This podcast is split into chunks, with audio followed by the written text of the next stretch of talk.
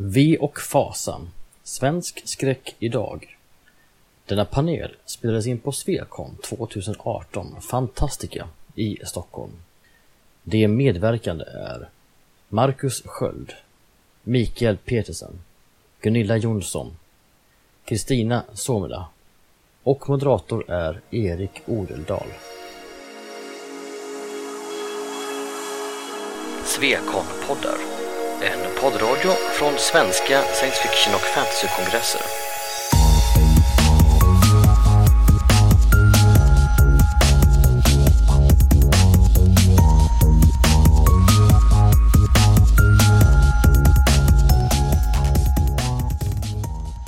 Hej och välkomna till den här panelen som ska handla om svensk skräck idag. V och Fasa, svensk skräck idag. Eh, jag tänkte jag ska låta våra paneldeltagare få introducera sig själva innan jag introducerar mig och kör igång med några in, eh, in, första frågor. Och så hoppas jag att vi eh, får igång en jättekul diskussion här.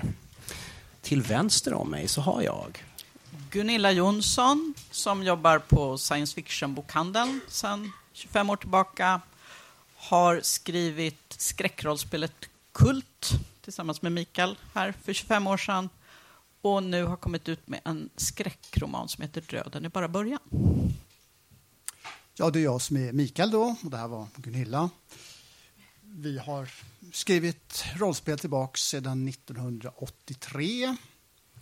Vi skrev MUTANT, vi skrev KULT, vi skrev en herrans massa andra rollspelsprodukter och precis som Gunilla säger så har vi nu precis släppt vår första roman, den första i en tänkt trilogi som då heter Döden är bara början. En otäck historia ifrån Berlin.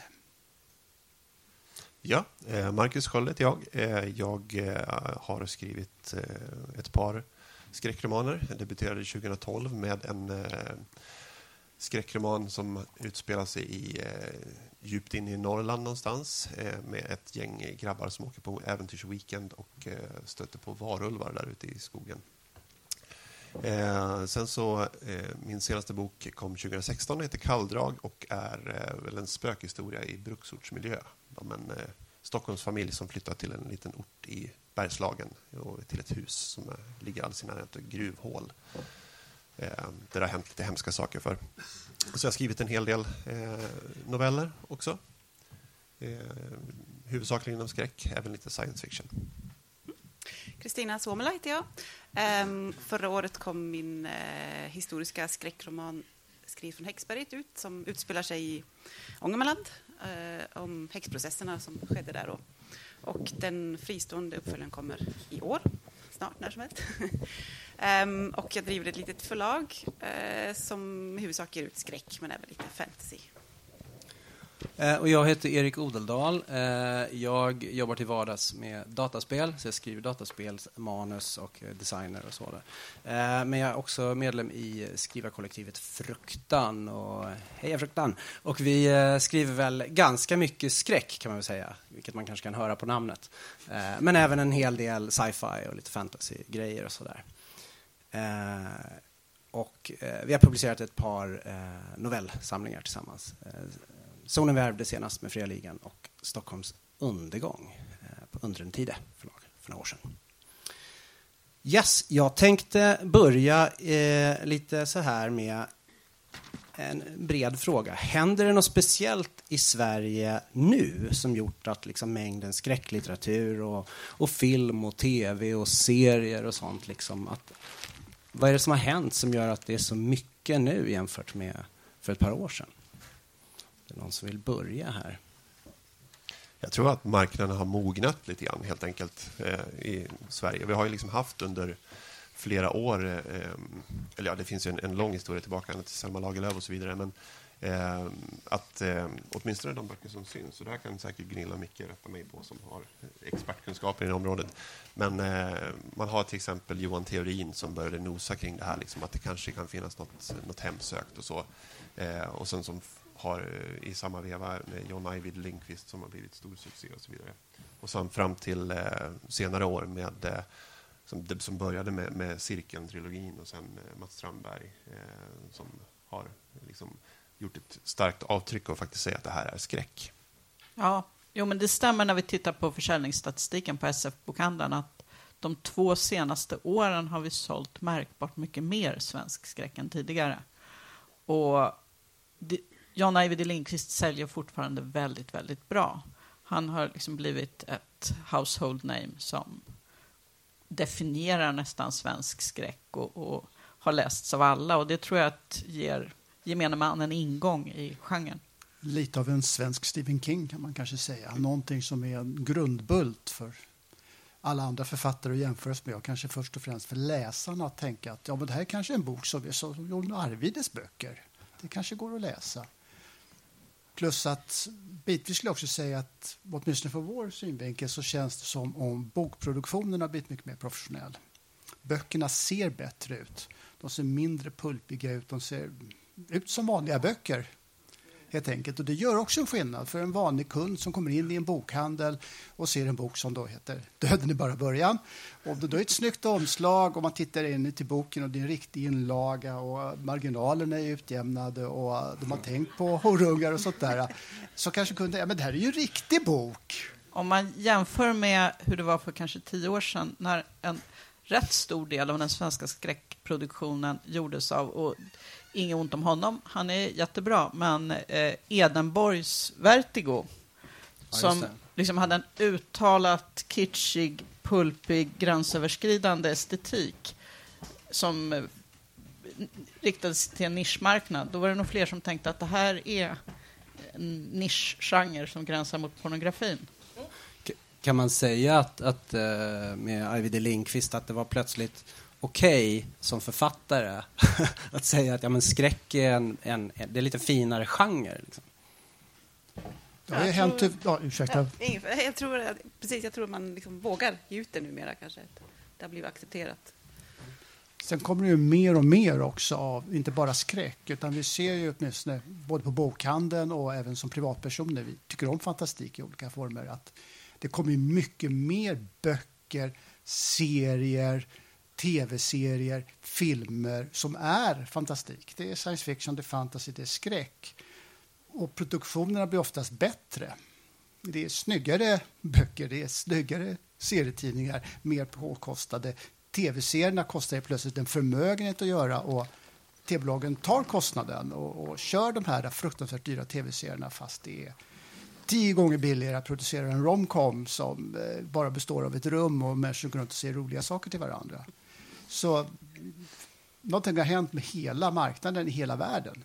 Det kan man ju se också på de större förlagen som faktiskt börjar visa ett visst intresse för, för skräcken nu också. Även om de fortfarande är otroligt försiktiga och eh, säger sådana saker. Nej, men vi har redan en skräckförfattare och det liksom räcker.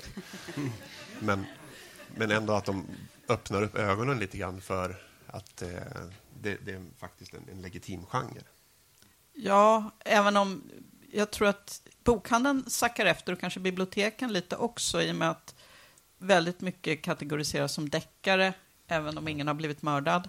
Mm. Eller thrillers, mm. även om det inte är så spännande.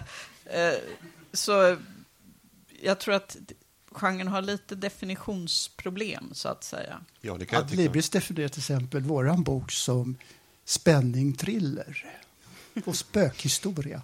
Mm. Men det vet jag när jag gav ut min, min debutroman där ute i mörkret. Så då, då I Elibs system eh, så kunde man inte definiera skräck som en, en genre. Det fanns inte överhuvudtaget. Science fiction. Kristina, ja. eh, eh, en, en sak som jag har funderat på också när jag stått och förberedde mig eh, för vilka frågor jag ska ställa. Finns det någonting som vi är speciellt rädda för i Sverige? Oj. Um... Bra fråga. Um, vi diskuterade förut om svensk fantastik och då tog jag upp eh, naturkatastrofer. Det kan ju också bli skräck, eller det kan ju verkligen bli skräck. Uh, själv uh, tycker jag lite med det här mystiska som man inte riktigt kan förklara. kanske spöken, kanske monster, inte, men ja, sånt tror jag som man inte riktigt kan förklara.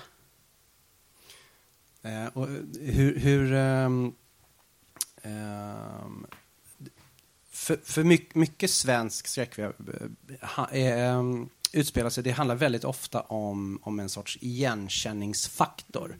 eh, svensk skräck för svenska läsare och så vidare. Att man eh, ofta, ofta man poängterar att det här hemska, oförklarliga sker på en, på en, på en viss plats. Eh, är det någonting som är, tycker ni är typiskt för, för svensk skräck överlag eller är det, finns det stora skillnader där?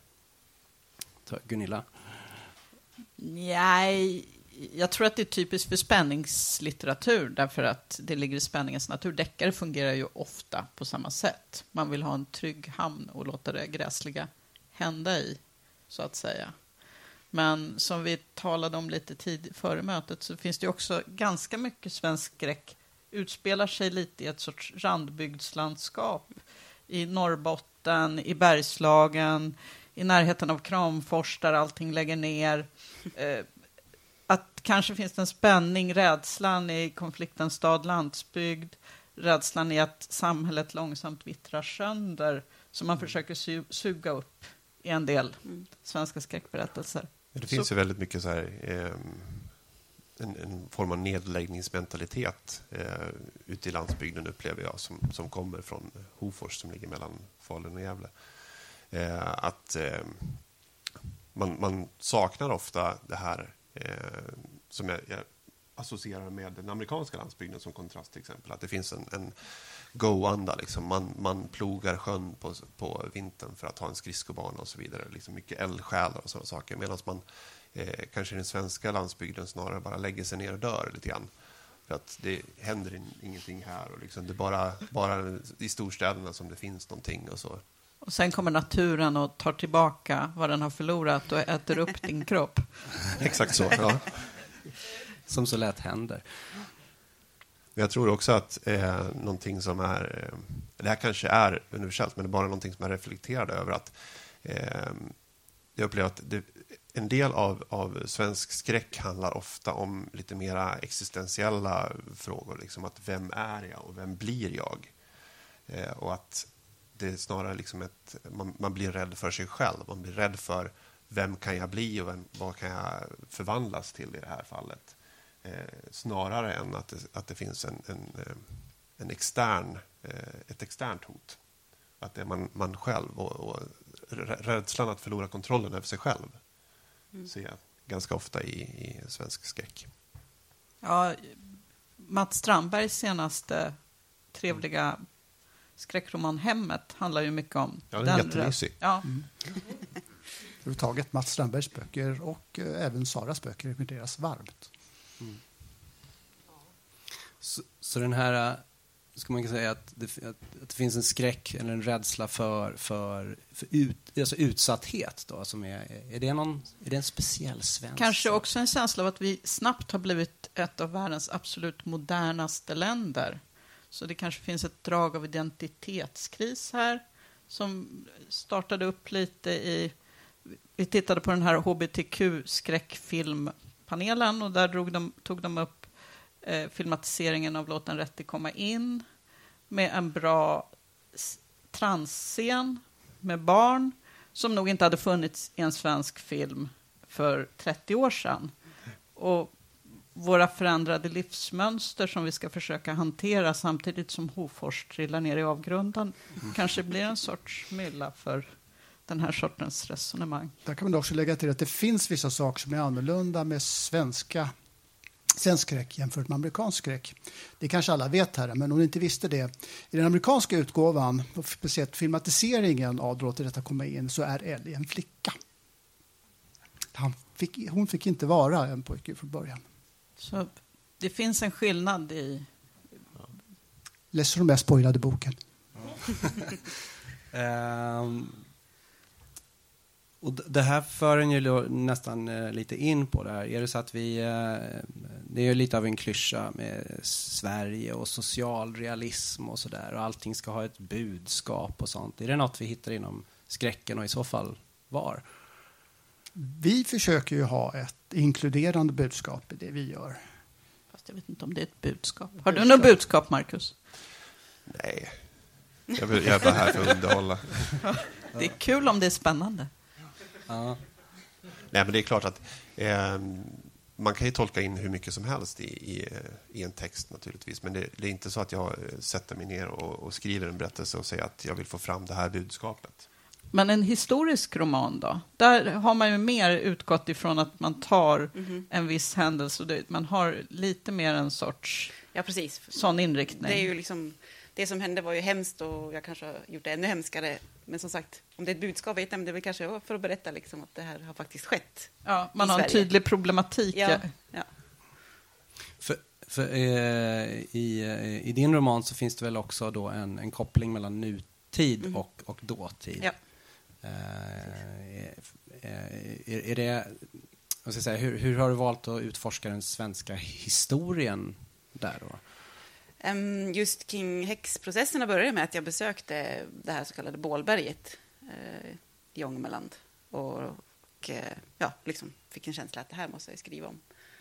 Men det är ju inget budskap i den delen som utspelar sig i nutid. Det är liksom inte något så om att kvinnor skulle vara förtryckta eller någonting sånt eller bli utpekade som häxor. Men um, ja, det var väl det jag ville få in det här lite eh, spännande då att det är någon som blir liksom jagad och utsatt för häx, häxjakt. Både då när hon eh, reser tillbaka i 1600-talet och i nutid blir hon också jagad av då de som fanns där, som vill henne illa, så att säga. Um.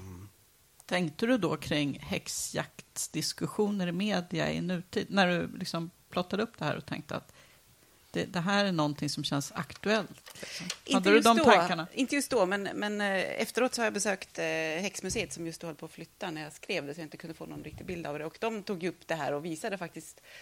Eh, ja, alltså man kunde jämföra det här, häxjakten då och nu. Så det var väldigt intressant att se. Mm.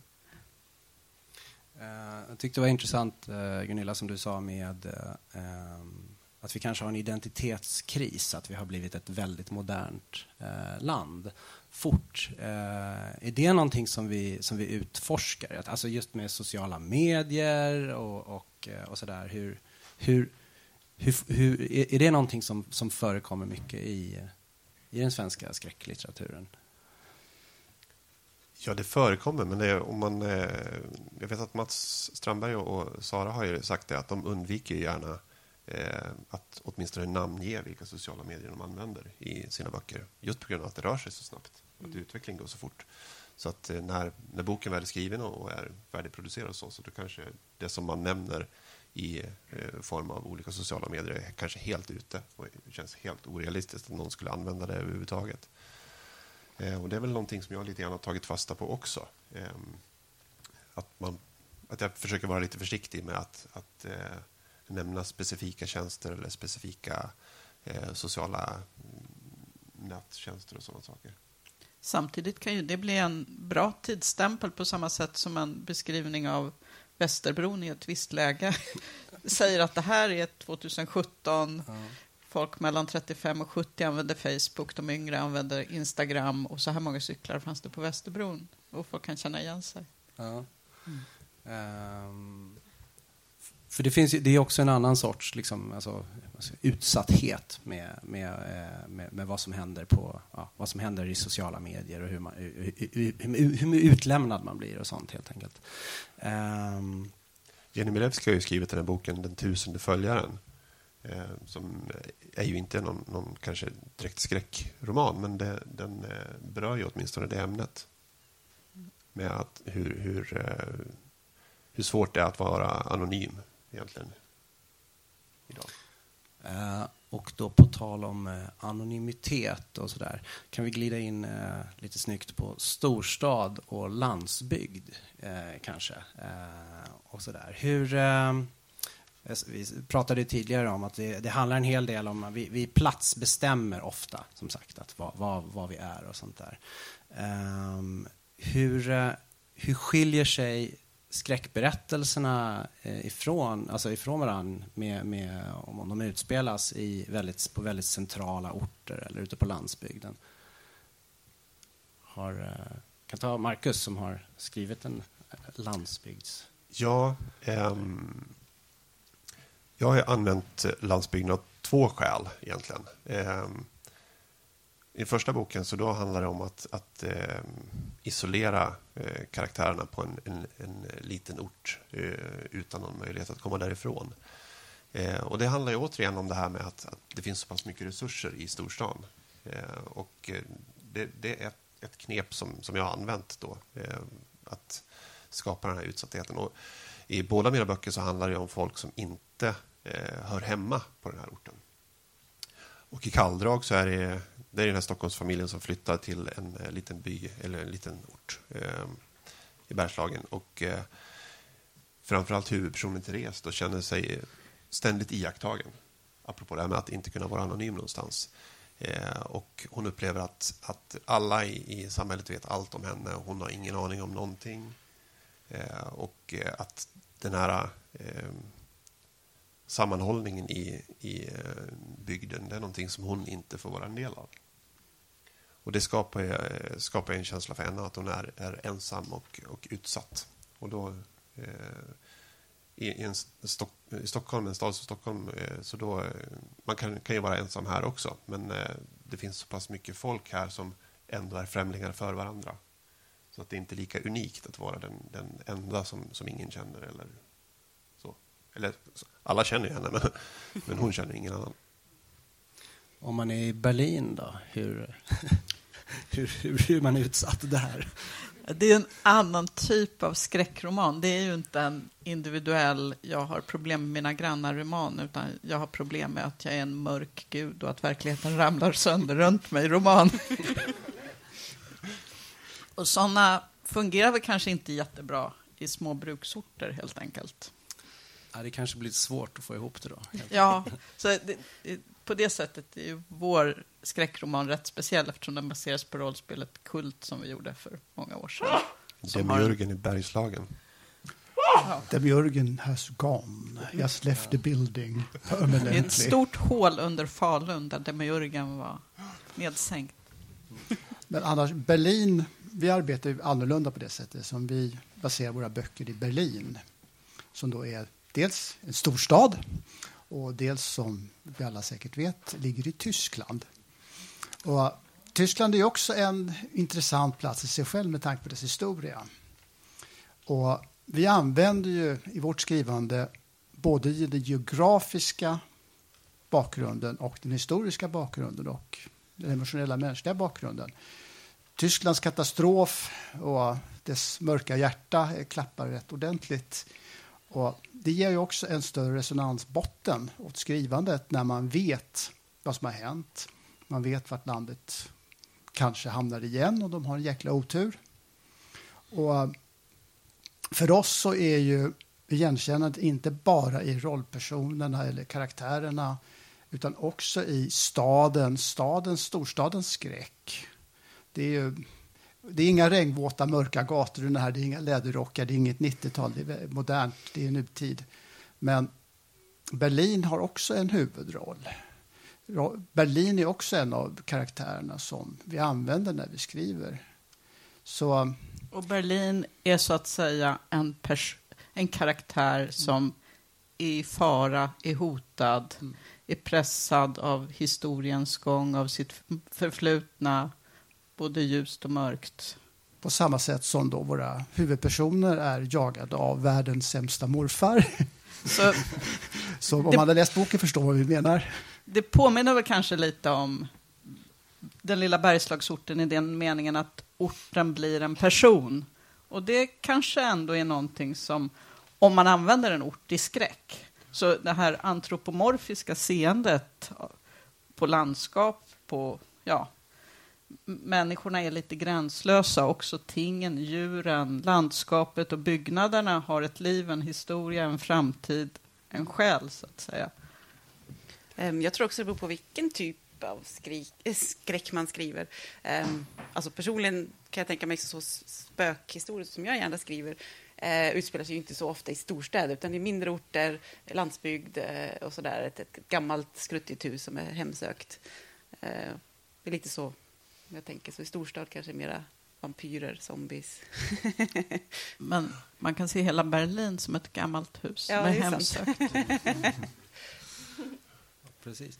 På, och, och på tal om, om då eh, spöken och så vidare. Hur, hur, eh, hur, hur ligger det till med spökhistorien då i svensk skräcklitteratur? Den, det, vi har ju en jättefin tradition med Selman Lagerlöf och det är Körkaren och det är Löwenskiöldska ringen och så vidare. Eh, vi har ju då du säger att du, du vill gärna skriva spökhistorier och sådär. Hur, är, det, är, det, är det någonting som vi känner är, som lever och mår bra? Jag vet inte. Ehm, Kan spöken leva? Oh ja. ja. absolut. Det är, spöken är en av mina favoritmonster, om man får kalla dem det. Ehm, men det, det kommer väl inte så många eh, spökhistorier egentligen numera. Det är liksom... ehm, det, det man har sett ganska mycket av på senare tid är ju... Ja, vi har ju Strandberg och, och hans vampyrer. Eh, vi har Andreas Ek som har skrivit eh, två böcker som heter Raseri och Törst. Eh, som eh, handlar om eh, Infected egentligen. Det är en sån här action thriller i eh, outbreak-scenario. Det är väl lite grann mera som den typen av, av skräck som jag kan säga. Men det, jag tror att det är Gunilla som kan svara bättre på det här. Sara Bergmarks Norra Latin är en spökhistoria. Ja, just det. Och generellt barn och ungdomsböcker, där finns det ju många spöken. Och skräck är ju stort inom barn och ungdom. För det ges ändå ut mer barnböcker än på länge. Ja, nej, precis. Vi, vi satt och pratade lite om det här i, igår. Precis, just att det är inom, inom ungdomsskräcken. Jag tänker på eh, rum 214 och nu glömmer jag bort författarens namn. Ingeborn? Ingelin Angeborn. Angeborn. Eh, och, och, och så vidare. Så där. Är det, eh, precis, att den, den ändå finns där. Så det var, precis, det var egentligen, jag hade en följdfråga. Är, den, är spökhistorierna mer en, en, en, en barngenre nu? Alltså, det finns, nej. Tycker jag inte. Nej, eftersom jag själv gärna skriver, och jag skriver inte för barn, inga spökhistorier för barn. Men naturligtvis kan man ju göra spökena snällare för barn än vad de kanske är när man skriver för vuxna. Men ehm, men det är kul om du säger att det inte finns så mycket, för då kanske det ligger rätt i tiden. Eh, hur, mycket, hur mycket påverkas svensk skräck av, av internationella trender? Eh, och hur, hur, hur, hur, liksom, hur, hur, hur tycker ni att... Eh, alltså vi är ett, vi är ett litet land och vi eh, kanske inte hade jättemycket översatt skräck och så vidare eh, tidigare, eller, eller fantastik och sånt. Är det, hur, hur, har vi, hur har vi formats av, eh, av signaler utifrån? För våran del i alla fall så... Våran största influens vad gäller skräck var nog egentligen 80-talets skräckfilmer. Det är Hellbound, det är Hellraiser, det är Stuart Gordons samlade produktion. Har ni inte sett Stuart Gordons filmer, börja med Dagon. Och böcker, jag menar, visst när man var i bokslukarålder, jag läste vartenda Stephen King jag kunde få tag på. De blev tjockare och tjockare och allt mer oläsliga. Men jag läste dem i varje fall. Men skräcken som sådan, jag vet inte. För mig har jag mer skräcken varit i, i vad vad man ser runt sig här och nu och idag. Jag tror, för min del i alla fall så har väl visst Stuart Gordon och Hellbound har ju naturligtvis influerat mig men mer nästan science fiction från 70-talet som också handlar rätt mycket om gränser som bryts ner och saker som inte är vad de verkar vara. Så att för min del så inte så mycket skräcklitteratur egentligen. Nej, men det, jag inspireras av, av eh, en hel del eh, skräckfilmer. Conjuring till exempel är ju en eh, favorit. Ehm, men jag, jag skriver ju gärna eh, om, om, vi, om jag säger så krass så att jag drar som, eh, att eh, Micke Gunilla skriver mera eh, Hell, Hellraiser och eh, taggtråd och eh, krokar och grejer. Så skriver jag Jag har dragit ner på krokarna. Taggtråden är däremot mycket av. Ja, mycket taggtrådar. Så eh, föredrar jag att skriva mer om den här eh, lite mer krypande, rys, rysliga grejen. Och där, där är det ju praktiskt med spöken.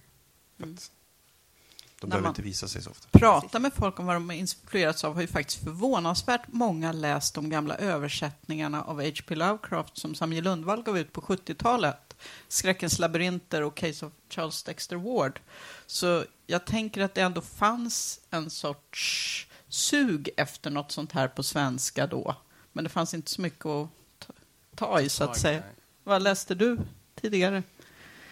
Alltså, som tonåring läste jag nog faktiskt inte så mycket skräck. Det har kommit på senare år. Eh, men framförallt skräckfilmer. Men eh, också Stephen King, Kuntz eh, och sådär. Det var väl liksom det första jag började med. Grundkursen. Ja, precis. Vi pratade lite tidigare innan här om, om också går, igen, eh, går in tillbaks lite på det här vad vi är rädda för. Att en hel del kontinental eller amerikansk skräck kanske har en, och skräckfilm framför allt, har någon sorts moralpanik i sig. Liksom. Att skrä, skräcken är, är här, när moralen utmanas på något sätt. Eh, är det någonting ni tänker på när ni, när ni skriver? Jag tänker på, på Mickes exempel där med eh, hur, hur man har ändrat i Låt den rätta komma in. Eh, Att, eh, det var mer skräckinjagande än eh, någonting annat. Nej, men det är väl kanske någonting som är... Vi kanske är mer tåliga för den typen av, av, eh, av saker. Eh, vi har inte samma moralpanik som man har i, i USA. Och samma sak också med att eh, vi är inte lika rädda för, för eh, kristna och religiösa eh, saker. Det är ganska så få eh, demoner och jävlar. Och, eh, man behöver inte en, en, en trave biblar för att besegra ondskan i Sverige. Och vi kanske problematiserar kärnfamiljens kris på ett annat sätt än vad många anglosaxiska skräckberättelser gör, där man kan Ja. gå in i något mer klichéartat. Tän- eh, och eh, hur är det med folktro? Och fan, vi har pratat om spöken och vi har pratat om städer som är karaktärer och sådär. Hur, hur använder vi oss av våran, av våran folktro med tomtar och troll och vättar och sådär? Finns det Inte någon... alls.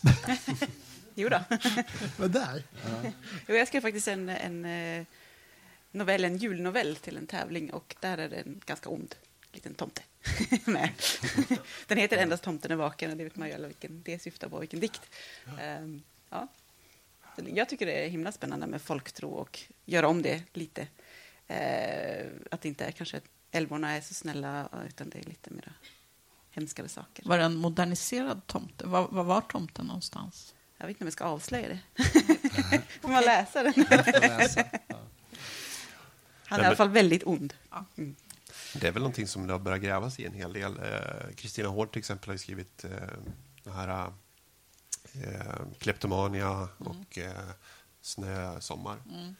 Eh, som, eh, där vi har troll som figurerar. Eh, sen så kan man ju... Ja, det är en klassificeringsfråga om det är skräck eller inte. Men jag skulle kanske säga, Ångpunkskräck med troll. ja, men lite så. Jag tänker även på John Bauer-trollen i eh, Stallo av eh, Stefan Spjut, stämmer det va? Just det. Ja. Eh, där någonting som så, sö- så sött som, som John Bauer, mysiga John Bauer-troll är jävligt otäcka. Mm.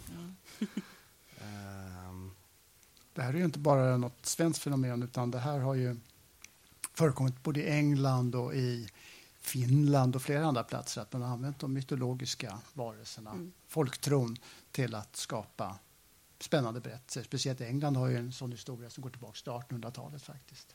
mm. Men kanske då med, med en, eh, en, en kristen lösning på problemet då, eller? Inte alltid. Men till exempel så om vi tittar på 60 och 70-tal så har vi ju saker som eh, Redshift, Allan Garners samlade produktion som är, har en rätt stark basis i folktro, olika slag, mytologiska väsen och oftast är fruktansvärt otäcka. Jag minns fortfarande första gången jag läste The Old Service och jag tror att det är den enda gången i mitt liv jag fått mardrömmar efter en bok. Den är, åtminstone när man är 12-13, fruktansvärt otäck. Men Storbritannien har ju också den här eh, lite keltiska traditionen som man kan, man kan låna en hel del ifrån. Mm, schysst. Eh, jag har några sista frågor här innan vi kanske lämnar över till eh, publikfrågor, vi kan hoppas. Eh, har ni sett någon, om man- skulle säga att Ajvide Lindqvists Låt den rätte komma in var startskottet, eller öppnade vi portarna för, för den nya vågen av svensk skräck. Har ni sett någon, hur den, har den utvecklats på, nå, på något sätt sedan dess? Eller är vi, håller vi fortfarande på att utforska? Jag tyckte det var kul hur Jordskott, tv-serien, använde sig av just den här Bergslagsnaturen slår tillbaka och vi- eh, diverse väsen. Första säsongen då. Ja, sen blev det ingen bra, men den tycker jag verkligen var lite ny, nytänk och samtidigt rotad i det gamla. Ja, den är ju en, en, ett tecken på att det, det är någonting som, som har hänt. Att en sån serie överhuvudtaget finns. Och sen har vi ju Mats Strandbergs böcker som fortfarande, jag menar färjan är något så absurt som vampyrer löper amok på en finlandsbåt. Sorry to spoil again. Är ju, eh, hade man inte sett för tio år sedan tror jag. Det är roligt. Ja, men lite av bägge. Traditionella vampyrer och zombier har ju ganska mycket gemensamt. Det är hela pandemigrejen där. Ja. Ehm, ja, nej men då gör vi så här helt enkelt att jag tänker, nu har jag väntat med den här frågan så länge så nu kommer jag utkräva svar. Eh, vi kan börja bortifrån Kristina. Tipsa om någon favorit inom svensk skräck och eh, varför du tycker det. Um, senaste måste jag säga nog Johan Ring. Eh, han skrev ju Fyra minuter, en roman som är enormt spännande. Alltså riktigt sådär rysfaktor. Men även eh, skräcknoveller har han gett ut som ljudnoveller. Jag tror inte de finns som, som är noveller. Men... Nej, du får hoppa över mig så länge jag kommer ihåg. Men hallå, då måste jag svara. Ja. Oj, kan- gammalt, nytt, eh, whatever. Whatever. Vi pratade om det här tidigare så att vi skulle vi, vi, vi tar den här frågan lite mot slutet av panelen så man inte hinner få man hinner tänka efter lite grann och komma liksom vaska fram sin, sin absoluta favorit. Ska jag svara så får du tänka.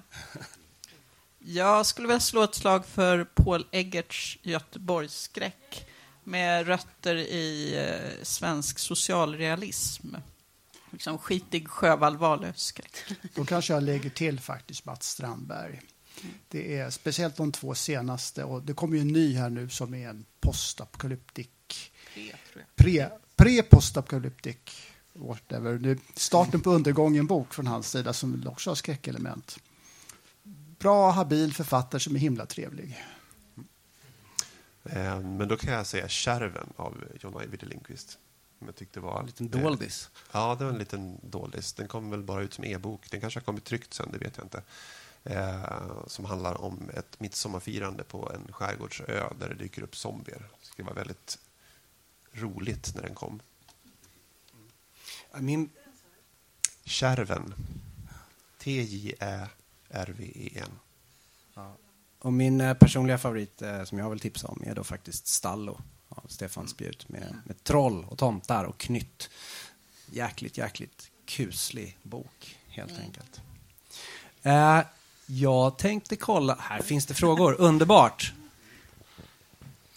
Ja, um, nu sitter ju några av er och jobbar med eh, efterspelet, får man väl kalla det för, för ett rollspel. Eh, vi har ju ett till, Chock, som jag själv är inblandad i. Och det ser jag som den ena vägen in i den svenska skräcken. Eh, den andra är ju det här som rider på deckarundret. Eh, teorin till exempel, som har såna här oförklarliga saker som händer i hans deckare. Tror ni att det här är två olika vägar eller tror ni att det här är två vägar som är på väg ihop? Ja, jag menar, personligen så tror jag att det finns en ökade korsande fenomen som pågår överhuvudtaget. Jag tror vi kommer se fler deckare med skräckelement. Våran skräckroman Döden är bara början är inte bara en skräckroman utan har också rätt stora inslag av urban fantasy, urban fantasy. Har man sett tv-serien Magicians till exempel kommer man att känna igen sig i vissa delar i vår bok. Så att Ja, jag, jag tror att svaret är att det, det är nog lite av bägge. Jag tror att det är snarare för någon form av korsbefruktning. Att vi kanske får se mer av de här lite udda sakerna i vanlig litteratur, vanliga filmer, vanlig underhållningsstuff. Jag tror att intresset finns, absolut, för, för den här typen av, av berättelser och, och fantastiken i gener, generellt sett. Det är bara att titta på vilka, hur, hur många serier som produceras för Netflix till exempel som har fantastiktema av olika slag. Och de räddade Lucifer, hurra! Ja. och då blir varje, varje sån här eh, företeelse eh, som, som finns på svenska då, eh, om det är Johan Theorin, om det är John Ajvide Lindqvist, om det är rollspel och så vidare, så det är liksom markörer som säger att det här går faktiskt att göra på svenska också, som leder in mot eh, en, en, ett ökat intresse. Eh, ja, jag var lite förvånad över att inte Patrik Centervall eller Oskar Kellner är nämnd. Eh, för jag tycker att de verkar skriva skräck. Det gör de, men vi hann inte nämna alla. Vi hade en liten lista på författare här, men vi kom liksom aldrig riktigt in på det. Eh, jag tänkte du nämnde urban fantasy nyss och jag har sett att du funderat på det förut. Hur skiljer man egentligen om man ska göra en skarp skiljelinje mellan skräck och urban fantasy? För det känns som att de går väldigt mycket in i varandra. Det där är en jättesvår fråga tycker jag. Eh, och jag har själv ingen riktig definition på skräck annat än att eh, det är någonting som ska vara skrämmande. Och urban fantasy är i grunden en anglosaxisk genre så att säga. Som, som är väldigt förankrad i, i, en, i en viss anglosaxisk kanon.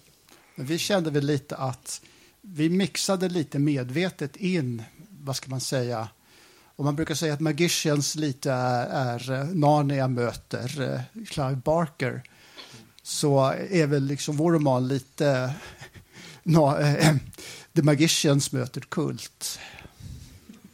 Så att det är klart det finns saker som, där, där det är samma sak. Där, där urban fantasy är så otäckt att det är skräck och situationer där skräck är så magi-tätt och, och mesig så att det blir urban fantasy. Eh, men som tidigare, jag tror att korsbefruktningen mellan olika genrer kan vara väldigt givande.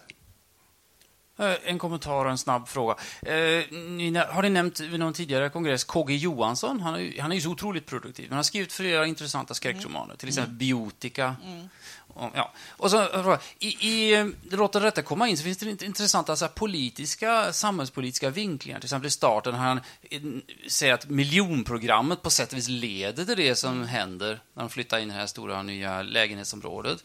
Eller när, när ubåtskrisen händer tidigt på 80-talet så tycks det på något sätt skapa någon social mekanism och leder till mobbningen av huvudpersonen. Du vet, Sverige blir kränkt, så då måste någon ge sig på stackars huvudpersonen som en slags kompensation. Det, det, texten mer än antyder det. Är svensk skräck politisk? Du är författaren. Ja, Jan, Jans senaste trilogi, där drar han det ju längre till en sorts liksom, SF-alternativ historia nästan.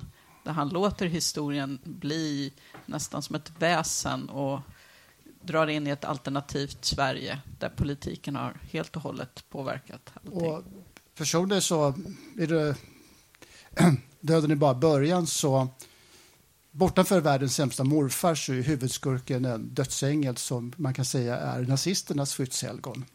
Så den absolut värsta fienden som vi har i den här boken är helt enkelt en basically nazisternas gud. Yes, en fråga här. Eh, ni nämnde ju Jenny Milewski som till exempel skrivit Skalpelldansen och Yuko som är båda både eh, läskiga. Eh, och eh, själv gillar jag också Madeleine Beck, svensk mm. skräck. Jag tänkte, det finns ju en hel del kvinnor som skriver skräck i Sverige nu. Mm. Eh, har de följt med på skräckvågen? Annars har vi nämnt väldigt många män. Madeleine Beck är ju väldigt... Eh, jag älskar verkligen hennes böcker. Eh, kanske är lite partisk, för jag, jag och Madeleine växte upp tillsammans eh, och kände varandra när vi var 17, 18, 19, någonting sånt där. Eh, och eh, sen så tappade vi kontakten och inte hört av varandra på 20 år. Sen så såg jag att hon har skrivit en bok eh, som utspelar sig i Gästrikland eh, och handlar om liknande saker som min egen. Också väldigt bra böcker faktiskt. Väldigt, väldigt bra Ja. böcker. Rekommenderas också varmt. Ja, men det är, jag tycker det finns många kvinnor som skriver väldigt bra skräck. Ja. Eh, Jag har läst framförallt väldigt många skräcknoveller av kvinnor som är jättebra. Det är väl när vi har lyft upp dem som så att säga säljer väldigt bra och det är ju väldigt få, så är det alltid med alla böcker att man har fem stycken som säljer guld och sen har vi alla andra så att säga. Och de här fem i Sverige, de är till stor del män tror jag. Det kan vara en slump, Men förmodligen inte. förmodligen inte.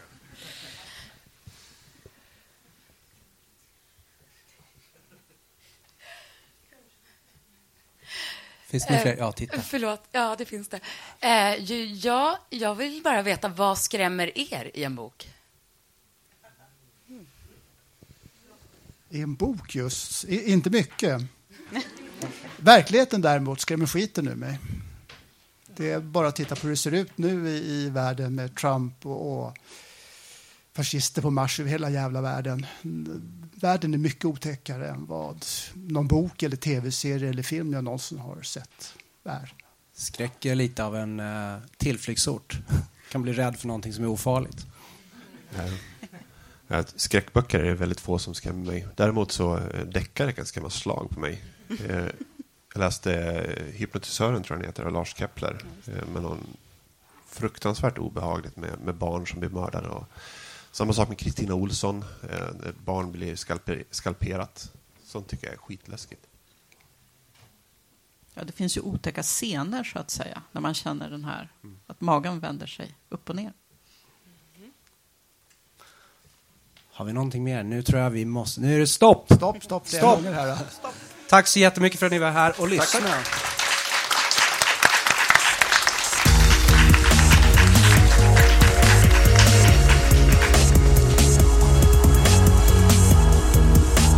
Musiken av Psychedelic Pedestrian från Free Music Archive.